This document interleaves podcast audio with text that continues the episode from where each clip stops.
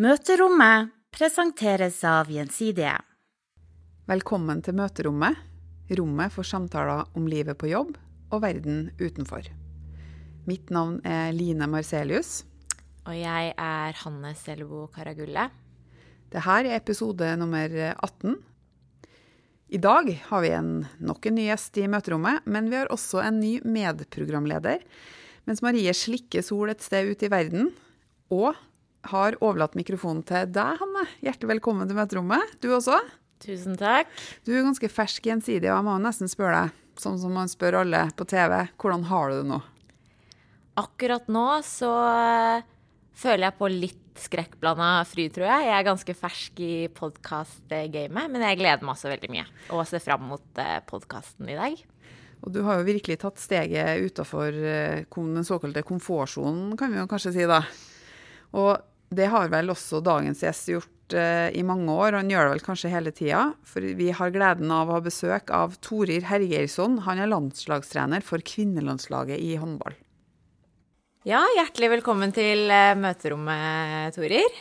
Takk, takk. Vi er veldig glad for å ha deg her. Vi skal bli bedre kjent med deg i løpet av denne podkasten. Men først så åpner vi med våre faste spørsmål. Vi har tre faste spørsmål i begynnelsen av podkasten vår. Og det første er Hva var den første tanken som slo deg da du så deg selv i speilet i morges? ja Godt spørsmål. Ja, det var egentlig det jeg Det har en link til det jeg skal gjøre litt seinere i dag. Det var, da var stikkordet forfall. Forfall, ja. Var det en spesiell grunn til at du tenkte på akkurat ordet forfall? Nei, fordi at jeg jobba med to bilder av meg sjøl. Eh, altså foto. Og Det ene var fra jeg var tre år, og det, og det andre er en karikatur som tegner meg noe Ikke noe særlig positivt, da. Men så litt sånn uh, skrukkete, gammel uh, tegning. Så, så, det var det jeg tenkte på, faktisk, når jeg så i speilet. Akkurat. Veldig presist. Absolutt. Og så til et spørsmål hvor de fleste som blir spurt, svarer veldig sånn politisk korrekt, da. Skal vi høre om du gjør det samme. Hvis du kunne få velge hvilken som helst jobb i hele verden, hva skulle du jobba med da? Jeg har vært guide på å fiske laks og guida folk som er interessert i å fiske laks på Island hele sommeren. Riktig. Er du glad i å fiske? Ja, og jeg er glad i natur. Ehm, så jeg, jeg elsker jo å stå ved elva og, og bare koble ut og være en del av naturen. Og selvsagt vente på den store laksen. Men da er det jo det en god plan, da, den dagen du bestemmer deg at ballen kan legges død. ja. Nei, det, det, er jo akkurat Altså når du spør hva jeg kunne tenkt meg, så er det jo akkurat det. Akkurat nå. Eh, så.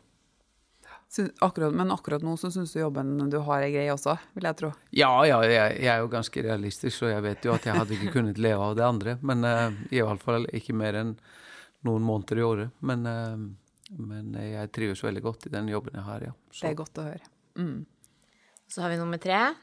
Hvis du kunne fått et møte med hvem som helst, død eller levende, hvem ville det vært? Ja, det var jo et stort spørsmål. Det er nå sikkert en god del folk som en kunne tenkt seg å møte. Eh, jeg tenker jo at eh, det hadde vært interessant å få snakka med godeste Nelson Mandela.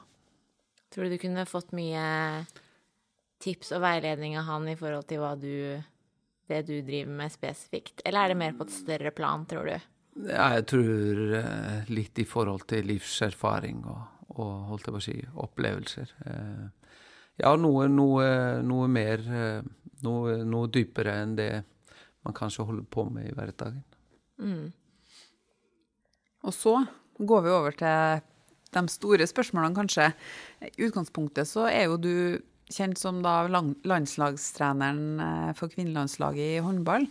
Vi er litt nysgjerrig på om du kort kan prøve å oppsummere deg sjøl. Hvem er du egentlig? Ja, godt spørsmål. Uh, Mange gode spørsmål her i dag.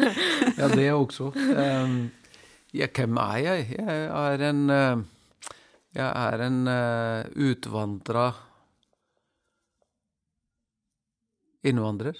Eller innvandra utvandrer, avhengig av hvordan du velger å si det. Jeg er altså da en islending som, som nok sannsynligvis har noen slektninger som, som ble jagd vekk fra Vestlandet i Norge på et eller annet tidspunkt, eller valgte å reise sjøl fordi det var vanskelig å ha med å gjøre. Og så endte de opp på Island, og så ble de miksa sammen med noen irer, eh, kanskje. Um, og så blei det da til at jeg flytta til Norge i 86 for å studere, og da Dermed så innvandret jeg igjen Norge.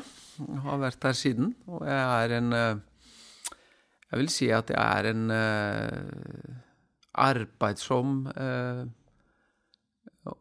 fyr som tar meg ikke så veldig høytidelig. Egentlig glimt i øyet. og veldig opptatt av humor i det jeg foretar meg, og det jeg holder på med. Og har stor arbeidskapasitet og liker å jobbe. Jeg har egentlig vokst opp med det. Det, det er veldig sånn kort og godt. Uh, god beskrivelse, sånn veldig kort. Mm. Ja, fordi det er jo Du har jo, sånn som du beskriver deg selv, og så har man jo alltid Jeg tror veldig mange i Norge føler at de kjenner deg på ett plan. For det er jo, du blir jo framstilt det står jo mye om deg i media, og media skriver mye om deg og håndballandslaget. Føler du at du kjenner deg igjen eh, i den framstillingen som ofte kommer fram i media, eller føler du at det er en annen side ved deg som kanskje ikke kommer fram så ofte? Det kommer jo litt an på. En skal jo være veldig nøye, nøyaktig når en skal beskrive media i dag. Men det finnes gode artikler eh, som kan kanskje beskrive personer noe bedre enn andre. Eh, men sånn den vanlige klikkjournalistikken i dag, den er veldig lite pålitelig.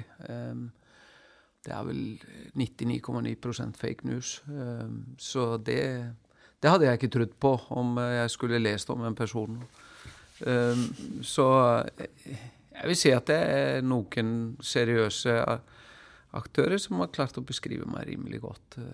Men, men så finnes det jo mye annet. Ja, kommer litt an på. Du har, mm. Eh, du har jo dypere portrettintervjuer, og så har du det som er litt mer på overflaten. Ja. Så det er nok litt forskjellig, ja.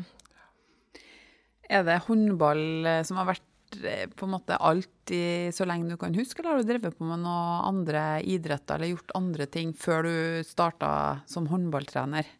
Det er jo noen år siden det også. Ja, jeg har jo en, en allsidig bakgrunn, og det er jo egentlig det det som var greia når jeg vokste opp på slutten av 60- og 70-tallet, eh, på et lite sted på Island hvor vi holdt på med det meste. Eh, vi var med på allidrett, fleridrett. Eh, vi eh, drev med fotball og friidrett og forskjellige ting om sommeren, og så var det litt mer håndball og, og innendørsidrett om vinteren. Eh, Blanda med litt eh, skøyter og og diverse vinteraktivitet. Eh, nå er vi ikke så gode på, på vinteridretter på Island, men, eh, men har nå prøvd litt av det. Eh, det var Så bygde, fikk vi en stor ny idrettshall på midten av 70-tallet. Ja, 76-77. Og da blei jo håndballen for alvor på en måte en av hovedidrettene. Eh, vi hadde holdt på ute og i gymsal før det, men eh, det blei liksom virkelig satsing på det hjemme på Sølvfoss. Da blei det mer og mer håndball etter det. Eh, så, men at jeg blei håndballtrener på heltid, det, det er noe litt tilfeldigheter, det også. For eh, jeg utdannet meg jo først som snekker, og så, så tok jeg lærerutdannelse i idrett, og så videre, så videre. Jobba du noen gang som snekker eller lærer, eller begynte du Ja, altså det begynte jo med at jeg var, jeg var håndlanger for en byggmester når jeg var 12-13 år eh, på sommer. Jeg var med han, og, og så etter noen somre så spurte han meg om ikke jeg bare skulle gå i lære hos han. og ja, tenkte det kunne være interessant. Så jeg, jeg kombinerte litt uh, yrkesfag og idrettslinje på mm. videregående. Brukte litt lengre tid. Og så jobba jeg et år uh, med det. Uh, og så har jeg egentlig i ettertid mer brukt det privat, altså i forhold til å bygge eget hus og, og, og styre med det. Så jeg har ikke vært så yrkesaktiv som snekker. Men Det er utrolig mange likheter mellom å bygge hus og bygge lag, så det har vært veldig interessant. Ja. Og det er veldig greie egenskaper å ha uh, i hverdagslivet. Snekkerferdighetene. Ja, det kan være praktisk greit. Men når vi har Altså, med tanke på veien til topptrenerrollen, hvordan har den vært? Når begynte det? Nei, jeg har nok alltid gått med en type trener i magen. Jeg, jeg var jo alltid en av de som, som stilte mye spørsmål til mine trenere. Jeg lurte på hvorfor vi skulle gjøre ting på den måten og ikke på annen måte. Um, um, veldig interessert i å, å holdt jeg på å si, lede lag og, og, og drive aktivitet. Så jeg, jeg på en måte meldte meg tidlig på, på det, og jeg var heldig å være i et lite miljø. Og i et lite miljø så må jo alle ta et tak. Så jeg, jeg var jo på en måte en spiller, og så var jeg en trener for de som var yngre enn meg, og så var jeg, satt jeg i styret, og så videre og så videre. Så du, du fikk jo alle rollene i, i sånn frivillig idrett egentlig relativt tidlig. Og så var jeg en habil spiller. Jeg var ingen toppspiller, men jeg var OK spiller. Og sannsynligvis så dreit jeg over på trenerjobben litt derfor, for jeg så jo for meg at eh, ja, jeg kunne sannsynligvis nå lenger som trener enn som spiller. Så, så, så på en måte ballet det bare på seg. Og så kom det noen muligheter eh, etter hvert som jeg grep, på, og så, så har det blitt sånn. Og den rollen din, den er jo veldig Du er jo i søkelyset ganske mye, da, vil jeg tro. Har du, hvordan har du opplevd forventningspresset fra omverdenen, som på kroppen?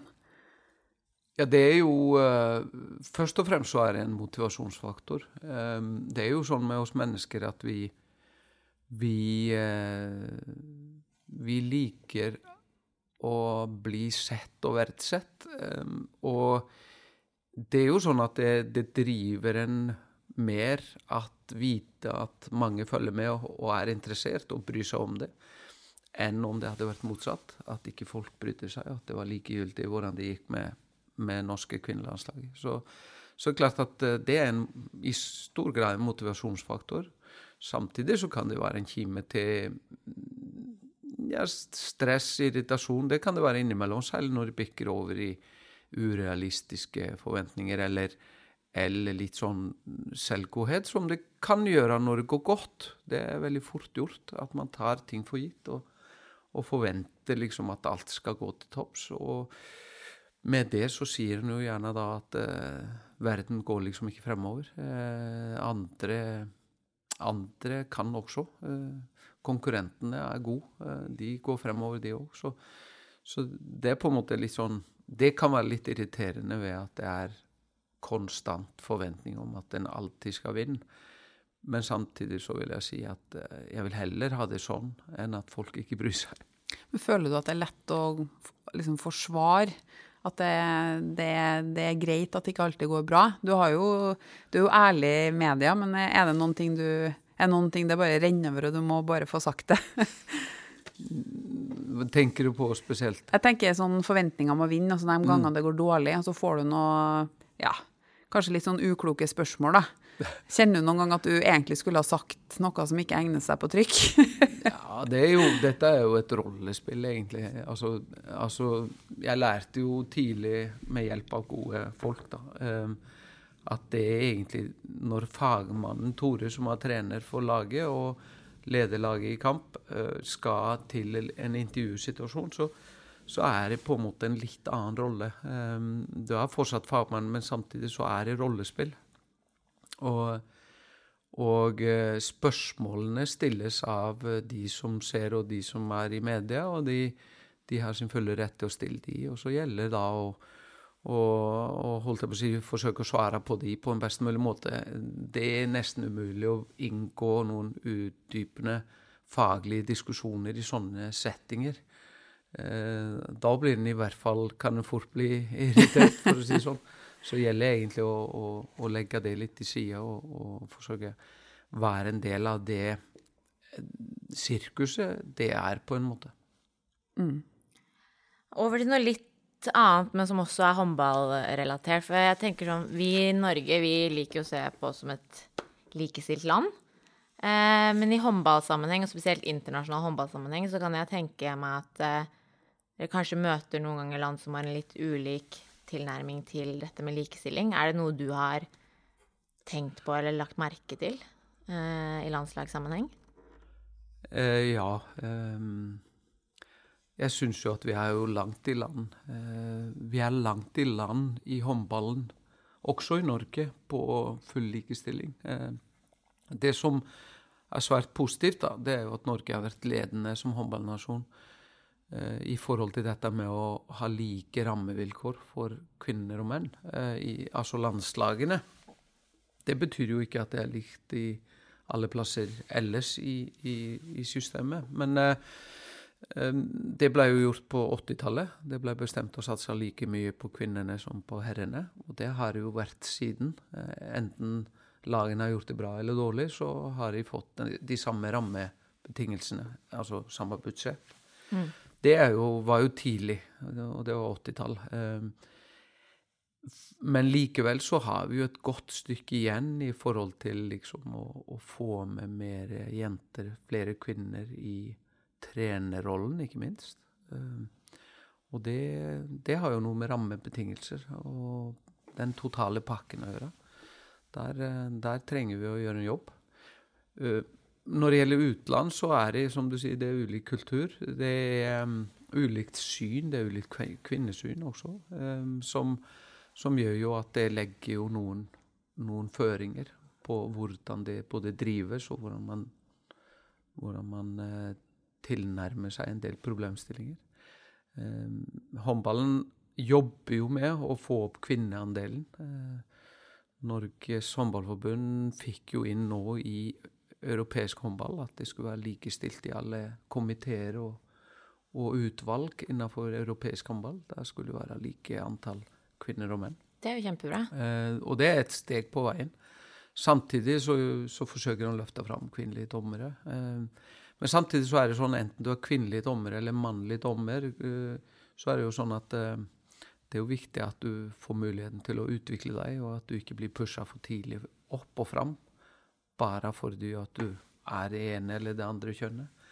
Um, og der ser vi jo litt at det, det haster litt å få fram kvinnelige dommere, og de blir kanskje sett litt tidlig i krevende situasjoner. Så det, det er noen opp- og nedsider ved det der, men, eh, men tanken er god. Intensjonen er veldig god. Og vi håper jo at vi ser stadig flere jenter i og rundt lagene, altså i viktige roller. Eh, og det er det jo utvikling på. Absolutt. Så av og til er det jo sånn for veldig mange at eh, jobben kommer liksom litt opp i halsen, at det butter litt imot. Jeg lurer på, hva gjør du når du kjenner at nå er jeg skikkelig lei? Hvor finner du styrke og hvile, eller hva, hva man skal si? Nei, da, da går jeg på tur i naturen, eller tar med meg fiskestanga og stikker til fjells, eller gjør et eller annet, eh, enten alene eller sammen med familie. Eh, min kone eh, går, går fjelltur eller en lang tur eller et eller annet ute i naturen. Føler du at du trenger det oftere nå som du er topptrener, enn før?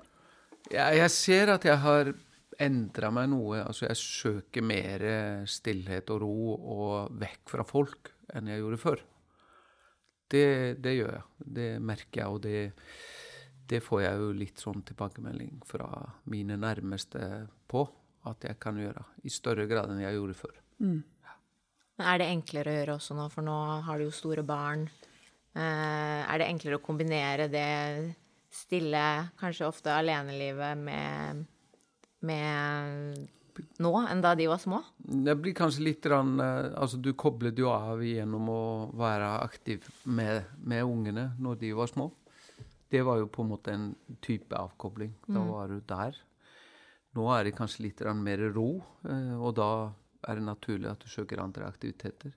Jeg bruker jo også øl sammen med noen kompiser, eh, naboer. Det er, også, det er også en veldig fin avkobling. Eh, Ja, du drikker øl, brygger øl. jeg Eh, drikker ikke så mye øl, eh, men jeg liker å smake øl. Eh, Jeg er glad i å, å smake litt forskjellig.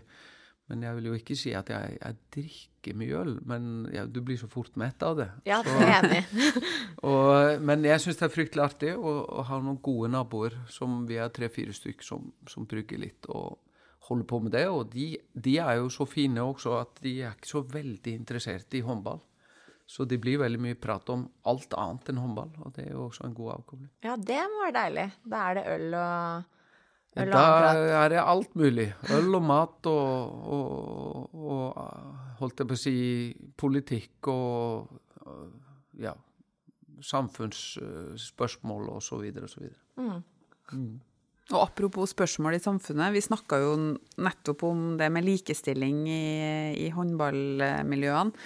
Eh, og under den paraplyen så ligger jo også det store ordet mangfold. Det er jo et tema som mange snakker om, som også vi i bransjen vår er veldig opptatt av.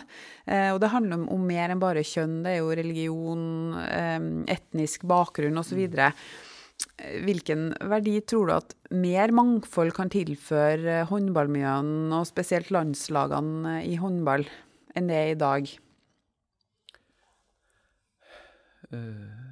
Altså Respektverdien, den, den er ekstremt stor. Altså det, det begrepet er stort. Um, Raushet, uh, toleranse. Um, man kan egentlig si eh, vi, vi er jo veldig opptatt av å jobbe veldig verdibasert i, i vårt eh, lag og i det arbeidet vi gjør. Um, jeg tror at det snakkes jo mye om gode verdier, men det er veldig ofte langt mellom liv og lære, og det er vanskeligere å leve ut toleransebegrepet, f.eks. Eh, verdien toleranse. Altså å tolerere at vi er ulike og forskjellige og har ulike meninger og kanskje ulik både hudfarge og, og, og, og tro og så videre. Eh, mangfold i håndballmiljøet vil også gjøre oss eh, gi oss større mulighet til å øve på det i hverdagen. Eh, og få kjenne litt på det på kroppen. Men har du gjort deg noen tanker om hvordan man kan på en måte jobbe for å øke mangfoldet i Håndball-Norge? Ja, dette er jo eh, Nå har ikke jeg jobbet så mye med den delen. Det er jo holdt jeg på å si, egne utvalg som holder på med det. Men jeg, jeg tror at eh, det er viktig å Altså, jeg tror, jeg det er den samme delen som den kommer inn i særlig i ungdomsalderen.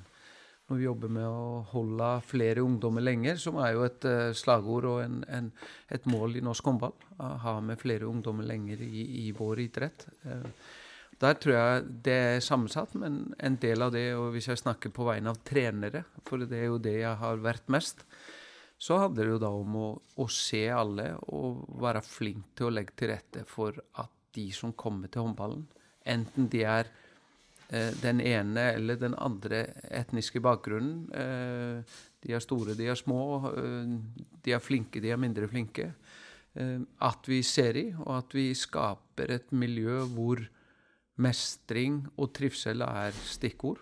Altså legger opp til at en kan mestre det en holder på med, og at en da ved mestring så trives en som regel. En liker å, å få til det en prøver på, eh, og bety noe.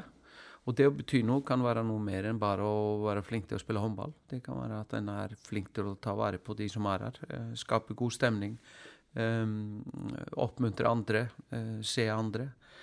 At vi blir flinkere til å se de ulike kvalitetene og, og, og holdt jeg på å si, berømme de, og dermed skape en større trivsel som gjør at du kommer igjen. Og det er på en måte det det si, vi trenere kan gjøre. Spille på ressursen som er foreldrene i forhold til det å være med og skape et miljø. Eh, trekke veksler på flere til å være med og drive treningene når det er mange unger for, og ungdommer. For det er vanskelig å håndtere én eh, trener og 20 utøvere. Så liksom spille på flere, skape team, bygge team eh, rundt laget. Eller, så, så jeg tror liksom det er i korte trekk. Men det, det er noen eksempler. det jeg tenker. For å snakke bitte litt mer om det med kjønn, da. Eh, Jeg lurer på om du, du tenker at det er annerledes for en mann å lede et kvinnelag enn for en kvinne å lede et kvinnelag? Eller om du har tenkt på det? Nei, vet du, det har jeg ikke tenkt en tanke. For altså, jeg vet jo bare hvordan det er å være en mann og lede et kvinnelag. Det andre har jeg aldri prøvd, um, så jeg skal ikke mene for mye om det. Uh, men det som slår meg Nå har jeg jo drevet i tren, vært trener for et eller annet lag, eller flere lag, i sesong siden jeg var 16 år. Det er fryktelig mange år. Så lenge, ja? Ja, i en eller annen form. Ja. Og jeg har trent jenter og gutter, små og store. Jeg har trent bredde, og jeg har trent topp. Og det som er, er, er sånn veldig sånn tydelig for meg, det er at topputøverne, altså de, de dedikerte, de absolutt beste eh, toppspillerne, de er ganske likt skrudd sammen eh, når det kommer til å drive idretten og bli trent og coachet. Eh, enten de er jenter eller gutter. De har mye flere likheter. Største forskjellen er at de er det er to forskjellige kjønn, men ellers så er egentlig alt likt. Um, og du kan tilnærme deg problemstillingen på helt lik måte. Um, og de trener mye av det samme. Uh, eneste forskjellen er at guttene løfter større, tyngre vekter enn jentene. Det, og det er jo naturlig uh, ut ifra kropper og, og, fysiologi. Så du tror det handler kanskje uh, mer om uh, at man må være mer Det handler mer om nivå? Altså hvordan ja, man takler et nivå istedenfor Jeg skulle si, ja. si at jo, også jo lengre du kommer ned, altså ned i type breddeaktivitet, jentegrupper, guttegrupper, så, så kommer kanskje litt mer forskjeller på hvordan man tilnærmer seg en del ting. Uh, uh, jeg lærte jo mye når jeg gikk fra et herrelag i 95. Hadde, jeg hadde trent jenter før, men jeg gikk fra et elite herrelag til elite damer. Og jeg fant jo fort ut at eh, det var en del en del metoder eller måter å ta ting på som, som jeg måtte justere meg litt på. Jeg var kanskje i noen tilfeller for direkte, eller for impulsiv, spontan.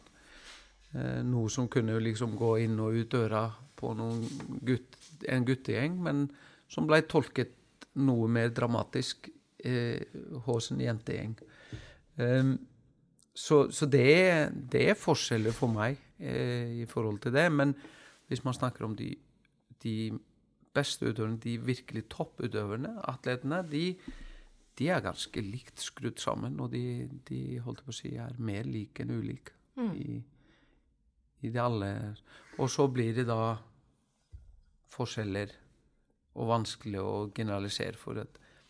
det, det, er på en måte jenter som, som, reagerer som gutter, og det er gutter som reagerer som jenter i, i sånne grupper og lag. og så er det vanskelig liksom å slå alle under en kam og si at jenter er sånn og gutter er sånn. Men eh, for det handler jo veldig mye om oss som er trenere. Hvordan vi fremstår, og hvordan vi, vi eh, virker på de utøverne vi har. Ja.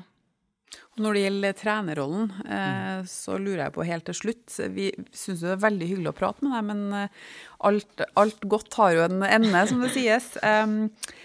Eh, du skal jo holde et innlegg for Gjensidige-ansatte om litt som handler om hvordan du bygger det beste laget.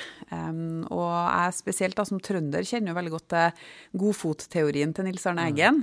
Det er mange ledere som har en sånn veldig uttrykt eh, lederfilosofi, så jeg er litt spent på å høre om har du en sånn Torir-metoden som du kan dele med andre, og som også kanskje kan eh, overføres litt til arbeidslivet, da? Ja, jeg har iallfall funnet ut uh, gjennom tilbakemeldinger fra spillere som har turt å si hvordan uh, min atferd og oppførsel og metodikk har fungert på de. Lært meg at uh, hvis du skal være god trener, coach eller leder for en utøver, så må du være nær. Det betyr at du, du, må, du, må, du må, være tett på. Um, Uten at du Det betyr at du skal diktere eller styre eller bestemme alt. Uh, men vite hva som foregår. Uh, bry deg om de personene du skal lede.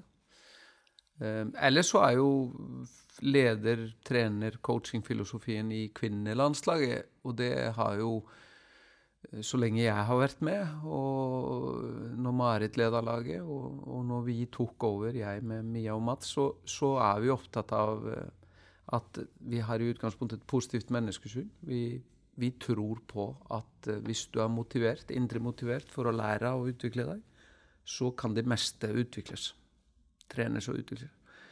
Det er en helhetstenking at utøveren er alltid i sentrum, og så det, gjelder det å ha oversikt og tak på de aktivitetsinngangene som spilleren har.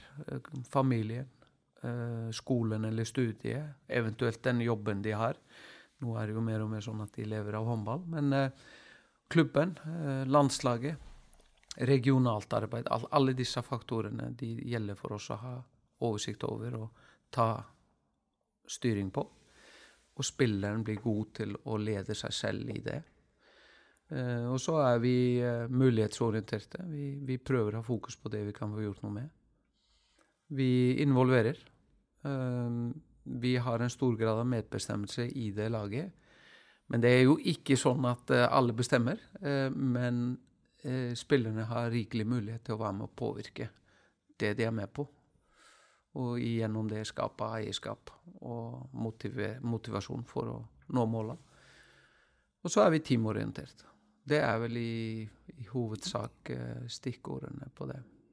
Jeg syns det er fint å tenke på det å se det hele mennesket. Det tror jeg jo mange som er ledere eller eh, kollegaer av andre, også kan eh, filosofere litt i hverdagen sin. Mm. Tori, tusen takk for at du kom på besøk til oss i møterommet. Takk for at jeg fikk komme. Thank you.